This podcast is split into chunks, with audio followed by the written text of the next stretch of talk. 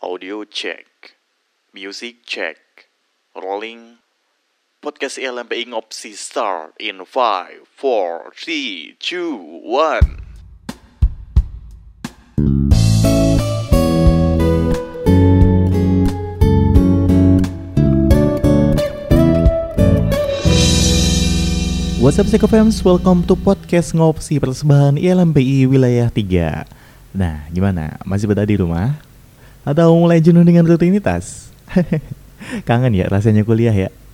Kangen gak sih rasanya kumpul sama temen gitu? Hmm, sama sih, gak beda jauh Ya karena emang pas ada pandemi corona ini ya kita harus ya mau gak mau ngelakuin physical distancing Wait, physical distancing atau social distancing sih yang bener? Nah, sebenarnya dulu waktu virus ini masuk di Indonesia buat pertama, itu ada istilah yang muncul yaitu social distancing atau dalam bahasa Indonesia itu pembatasan sosial.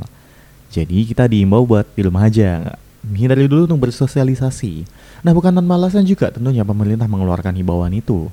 Dan alasan pemerintah mengimbau ya buat mencegah penyebaran COVID-19. Tapi kadang kita tanya nggak sih, emang segampang itu ya virus nyebar? Iya, segampang itu. Tapi juga nggak segampang-gampang banget itu juga. Virus ini nggak nular lewat udara. Virus ini lewat uh, sebenarnya cuma nular itu lewat cairan tubuh. Virus ini nggak nyebar lewat udara karena basicnya bukan airborne, tapi virus ini nularnya itu lewat cairan tubuh. Nah, ini yang kadang disepelein sama kita. Kan kita kadang nggak sadar tuh ngusap mata, ngusap hidung, bersin atau batuk tutupinnya kan pakai tangan. Nah, terus tangan tangan kita ini buat salaman sama orang lain. Ya udah otomatis dia atau kita beresiko kena corona. Nah, makanya muncul tuh himbauan pemerintah buat social distancing. Biar jaga jarak, biar nggak ada kegiatan sosial gitu. Nah, tapi sebenarnya kalau kita bicara tentang tujuan pemerintah yang kayak gitu, istilah social distancing kurang cocok deh. Karena kan kita bisa ya bersosial dengan banyak media, apalagi sekarang zaman online. Misal video call, WhatsApp, Instagram, Twitter, banyak banget. Nah maka dari itu daripada besok-besok ada salah paham lagi, istilah social distancing ini diganti pakai physical distancing atau bahasa Indonesia-nya yaitu menjaga jarak fisik.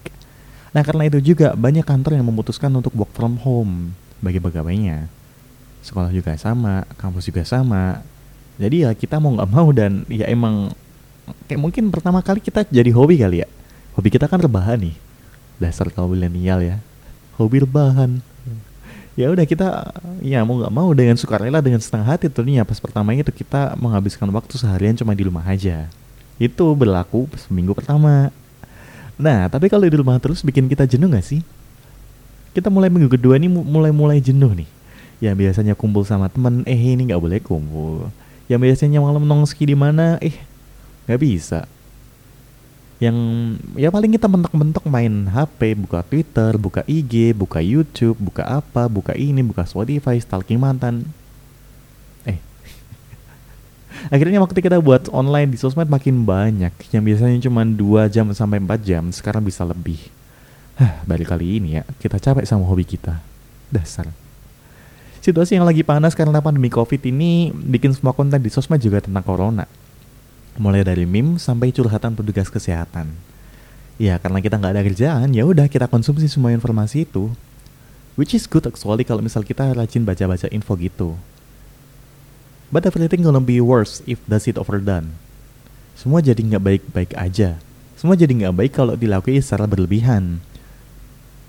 In worst case, kita kena anxiety.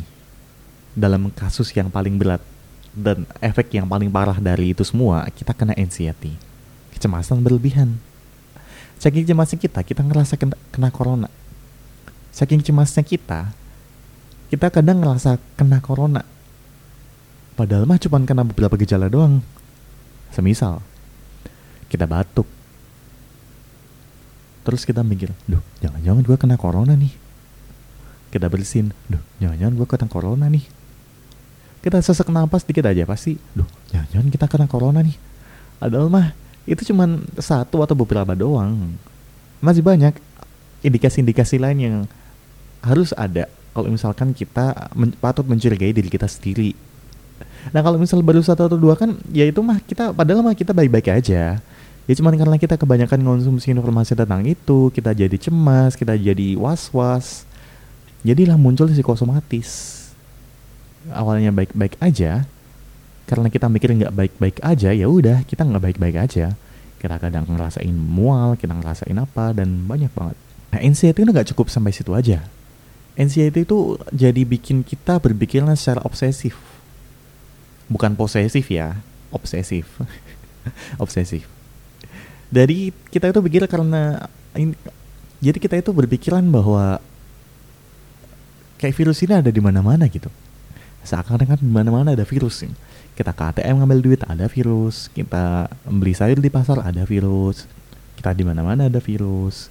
Kita ibadah kayak ngerasa, duh jangan-jangan ini ada virusnya di di sini nih. Saking cemasnya kita, tiap kali habis kontak sama orang, tiap kali keluar rumah, kita cuci tangan Bahkan ada yang sampai cuci tangannya diulang-ulang. Cuman biar mastiin gak ada virus yang nempel di tangan. Sekali lagi, rajin cuci tangan itu bagus. Bagus banget malah. Orang WHO juga udah nganjurin kan. Tapi kalau dilakukan berlebihan juga nggak bagus. Kulit jadi kering. Apalagi kalau pakai hand sanitizer.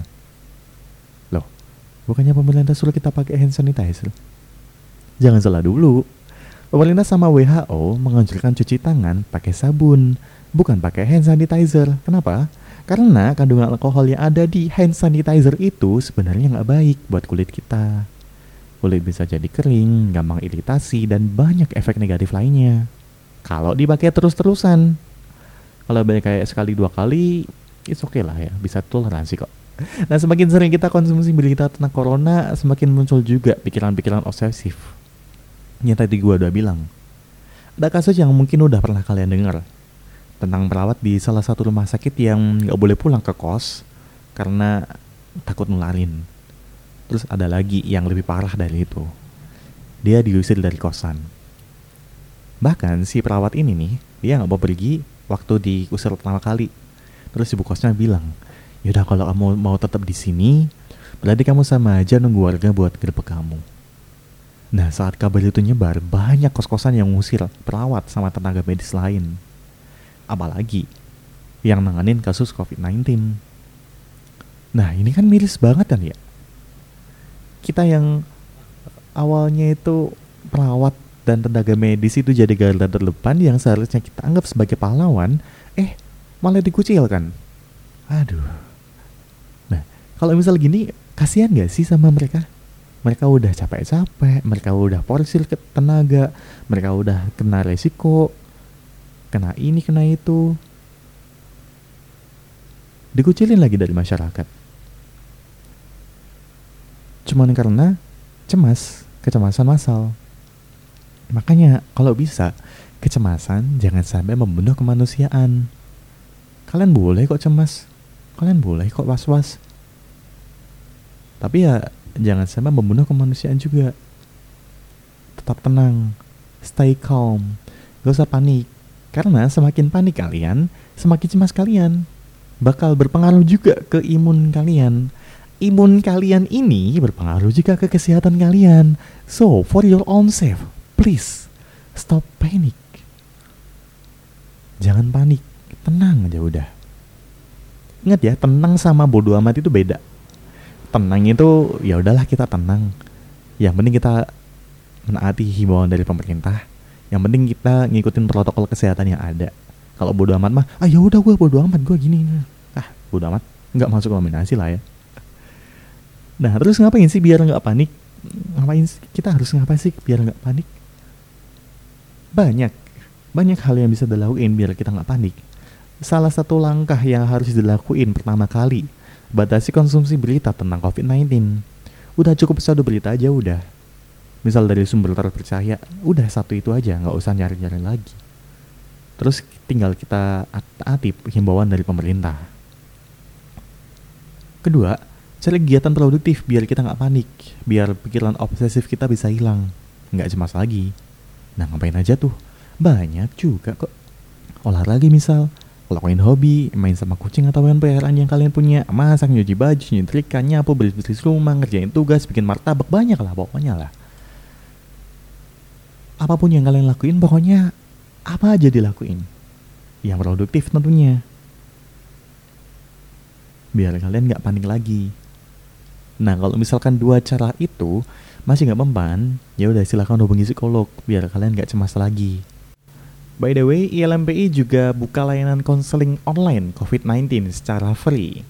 Kalian bisa daftar di laman bit.ly slash konseling COVID-19 ILMPI atau hubungi call center di 0823 7288 2315. Gimana pun cara kalian buat lawan kecemasan, lakuin aja. Asal nggak nyusahin sama nyakitin diri sendiri. Ayo sama-sama kita lawan corona. Jangan sampai corona juga menginfeksi jiwa. Dan karena kita nggak punya kompetensi seperti petugas medis yang ada di garda depan sana, ya udah kita stay aja di rumah. Jangan panik, jaga kesehatan fisik dan mental.